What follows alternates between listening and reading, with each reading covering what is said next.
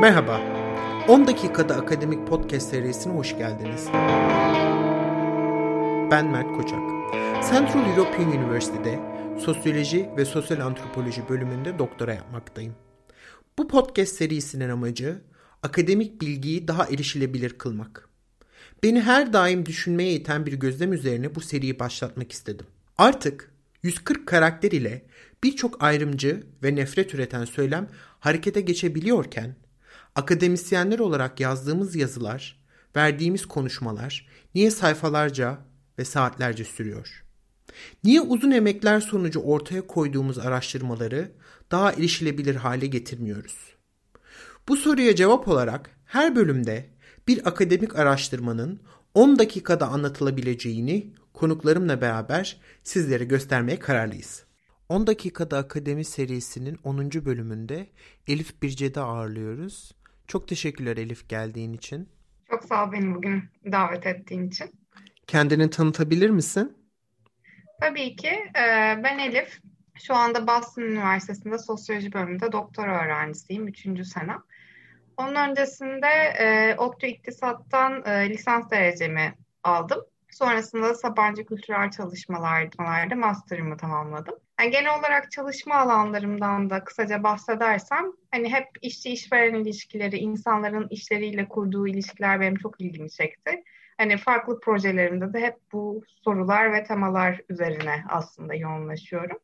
Ama hani daha böyle genel bir alan ismi söylemem gerekirse de hani çalışma sosyolojisi, emek sosyolojisi, iktisat sosyolojisi alanlarında çalışıyorum diyebilirim. Birbirinden değerli birçok araştırman, çalışman var. Bugün bizimle hangisini paylaşacaksın?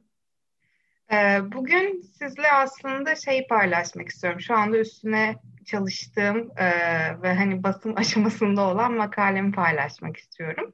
Bu makalede de aslında çok temel bir soruya cevap arıyorum. İnsanlar ne zaman yaptıkları şeyi iş olarak görür ve ne zaman kurumlarıyla olan ilişkisini işçi işveren ilişkisi olarak tanımlar? Soruya da cevap ararken yani belli bir gruba odaklanarak bir vaka çalışması yapıyorum. Ee, ve bu vaka çalışmamda da e, Amerika ve Türkiye'deki lisansüstü burslu öğrencilere odaklanıyorum. Şimdi neden bu gruba odaklanıyorum bu soruya cevap ararken diye sorabilirsiniz. Ee, bunun bir sebebi bu grubun e, bulundukları kurumda iki farklı pozisyonun olması. Bir öğrencilik pozisyonlarının olması. Bir de e, aldıkları burs karşılığında e, belli bir saat asistanlık yapmaları gerekiyorlar. O yüzden böyle bir emekçi pozisyonları da var. E, ben de burada hani bu iki pozisyon arasında hangi deneyimleri bir iş deneyimi olarak tanımlıyorlar? Ne zaman üniversiteleriyle olan ilişkiyi yok ya ben buranın çalışanıyım olarak tanımlıyorlar. Hani birazcık e, bunu analiz ettiğim bir makale. E, metotsal olarak da görüşmeler yaptım. E, daha kalitatif bir araştırma yarı yapılandırılmış görüşme yaptım. 32 tane e, lisansüstü burslu öğrenciyle. 32 öğrencinin 15 tanesi Türkiye'de daha araştırma odaklı vakıf üniversitelerinde çalışan e, lisansüstü burslu öğrenciler. 17 tanesi de Amerika'daki özel araştırma üniversitelerinde e, çalışan lisansüstü burslu öğrenciler. Tabii belki burada bir sonraki soruya geçmeden önce kısa bir parantez daha açabilirim. Hani neden lisansüstü burslu öğrencileri e, seçsin diye. E, yani bunu da muhtemelen hani Türkiye'de farklı asistanlık kategorileri var. Bunun üzerinden belki birazcık açabilirim. Normalde Türkiye'de iki tane farklı asistanlık kategorisi var. Bir tanesi yok asistanlığı. Burada formal olarak da bir çalışan oluyorsunuz. Ama vakıf üniversitelerinin lisansüstü öğrencileri e, farklı bir istihdam etme modeli var. Buna da lisansüstü burslu öğrencilik deniyor ve bu daha çok araştırma odaklı vakıf üniversitelerinde gördüğümüz bir model. Ben özellikle e, bu modele odaklanmak istedim. Son olarak da Amerika-Türkiye karşılaştırması yapma sebebim Amerika'da Türkiye'deki lisansüstü burslu öğrenci durumundan farklı olarak öğrencilerin sendikalaşma hakkı var. Aynı zamanda belli bürokratik proseslerde, özellikle vergiyle ilgili bürokratik proseslerde okullarını işverenleri olarak e, gösterebiliyorlar ama hala baktığınız zaman lisansüstü öğrenci olarak adlandırılıyorlar. Hani böyle bir belirsiz ya da böyle farklı statülerin gidip geldiği bir ortamda ne zaman yaptıkları şeyi iş olarak gördüklerini anlamak istedim. Bu şekilde özetleyebilirim. Araştırmanın çıktılarını bizimle paylaşabilir misin? Tabii aslında temel bir çıktısı var. Bu temel çıktıda ne zaman lisansüstü burslu öğrenciler yaptıkları şeyi iş olarak görüyorlar? Aslında onların emeğinin e, belli bir sunulma şekli var. Yani okul tarafından belli bir hani pazarlanma şekli e, şekli var aslında. Bu da siz buraya çalışan olarak gelmiyorsunuz. Aslında yaptığınız asistanlık da sizin öğrenme sürecinizin bir parçası. Eğer yaptıkları iş gerçekten onlara bir şey katıyorsa o zaman yok ya ben buranın bir öğrencisiyim. Atıyorum yaptığım araştırma asistanlığı da benim aslında tezime hizmet ediyor. O yüzden bu tam olarak bir işçi işveren ilişkisi değil diyebiliyorlar. Ya da mesela ben öğrettiğim derste öğretme becerimi geliştiriyorum. Kağıdı notlandırmayı öğreniyorum. Bir derse nasıl hazırlanır onu öğreniyorum. Yani direkt o öğrettiği ders onun kişisel akademik ilgi alanları ile ilgili ise o zaman e, bu işçi işveren ilişkisine vurgu çok daha azalıyor. Ama ne zaman ki o asistana siz e, kendi ilgi alanları dışında bir şey veriyorsunuz. Örneğin mesela benim işte bibliografimi kontrol et diyorsunuz. Ya da ona bir ders veriyorsunuz. Atıyorum öğrenci antropoloji öğrencisi ama siz ona tarihe giriş dersinin asistanlığını veriyorsunuz. Böyle olduğu zaman ya bir dakika ben buradan hiçbir şey öğrenmiyorum e, hocamla gidip bir hani bir mentor mentee ilişkisi yaşamıyorum. O zaman ya bu bildiğiniz hani ben emeğimi karşılığında bir şey alıyorum. Yani bu bana hiçbir şey katmıyor. Sadece para karşılığında yapılan bir iş bu.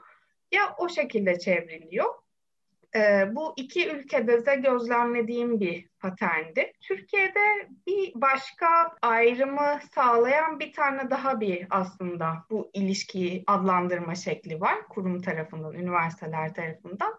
Bu da e, siz bize yardım edeceksiniz, biz de size yardım edeceğiz. Hani e, bunu bir de bir yardım şeklinde adlandırma eğilimi gördüm.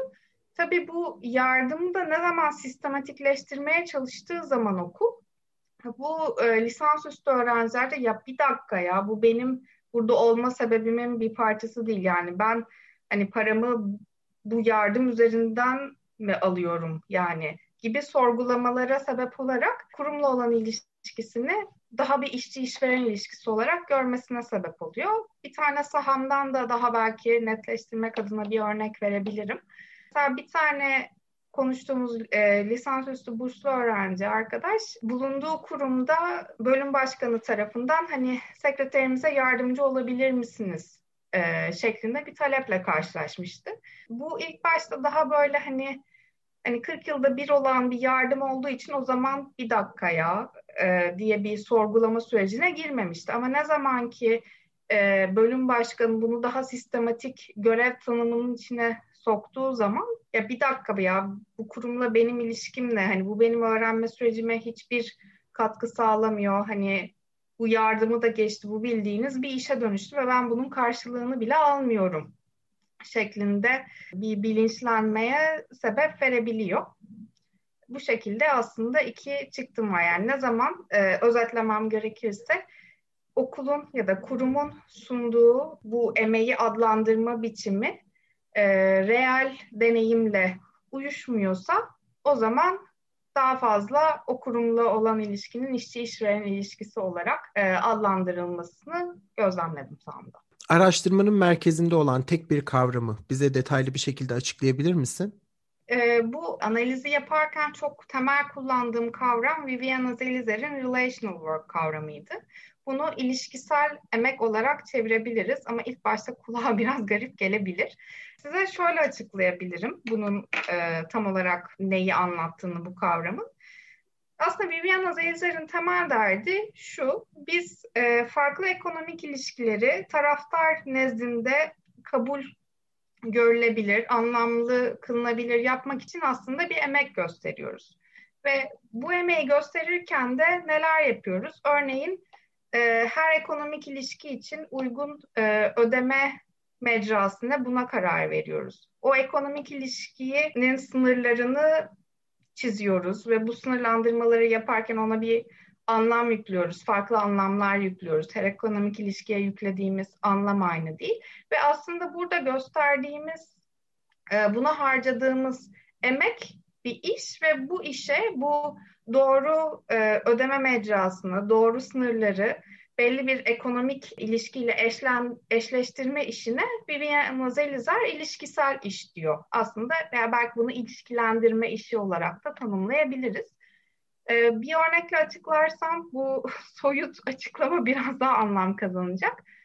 Ee, mesela benim araştırmamdan direkt bir örnek vermem gerekirse lisansüstü öğrencilerin mesela emeğinin bu bir işçi işveren ilişkisi değildir. Biz size eğitiminize katkıda bulunmak için burs veriyoruz şeklinde. Bunu öncelikle bir işçi işveren ilişkisinden ayırmakla başlıyor ilişkisel iş. Daha sonra e, uygun ödeme mecrası olarak hayır biz sizin kazandığınız paraya maaş değil burs vereceğiz şeklinde. Hani bunu uygun bir ödeme mecrasıyla ilişkilendiriyorlar. Sonra e, emeğin aslında hangi koşullarda yapılabileceğinin belirlenmesi. Örneğin lisansüstü burslu öğrencilerde 20 saat çalışma zorunluluğunun olması. İşte yapılacak işlerin daha teoride onların eğitimine katkıda bulunacak şekilde verilmesi. Ders asistanlığı, araştırma asistanlığı şeklinde. Eğer bu farklı parametreler arasında iyi bir eşleşme varsa o zaman bir ekonomik ilişki e, yürümeye devam ediyor. Ama eğer bu eşleşmede herhangi bir sıkıntı olursa o zaman benim araştırmamda da gördüğüm gibi bu ekonomik ilişkinin geçerliliği taraflar nezdinde birazcık sekteye uğramış oluyor ve aslında sorgulamalar başlıyor diyebilirim. Uzun emekler sonucu yaptığın araştırmanı sadece ve sadece 10 dakikada bizlere sunduğun için çok teşekkürler. Rica ederim. Ben tekrar davetin için çok teşekkür ederim. Elif'in araştırmalarını merak eden dinleyicilerimiz bölümün altındaki linke tıklayabilirler. İyi günler.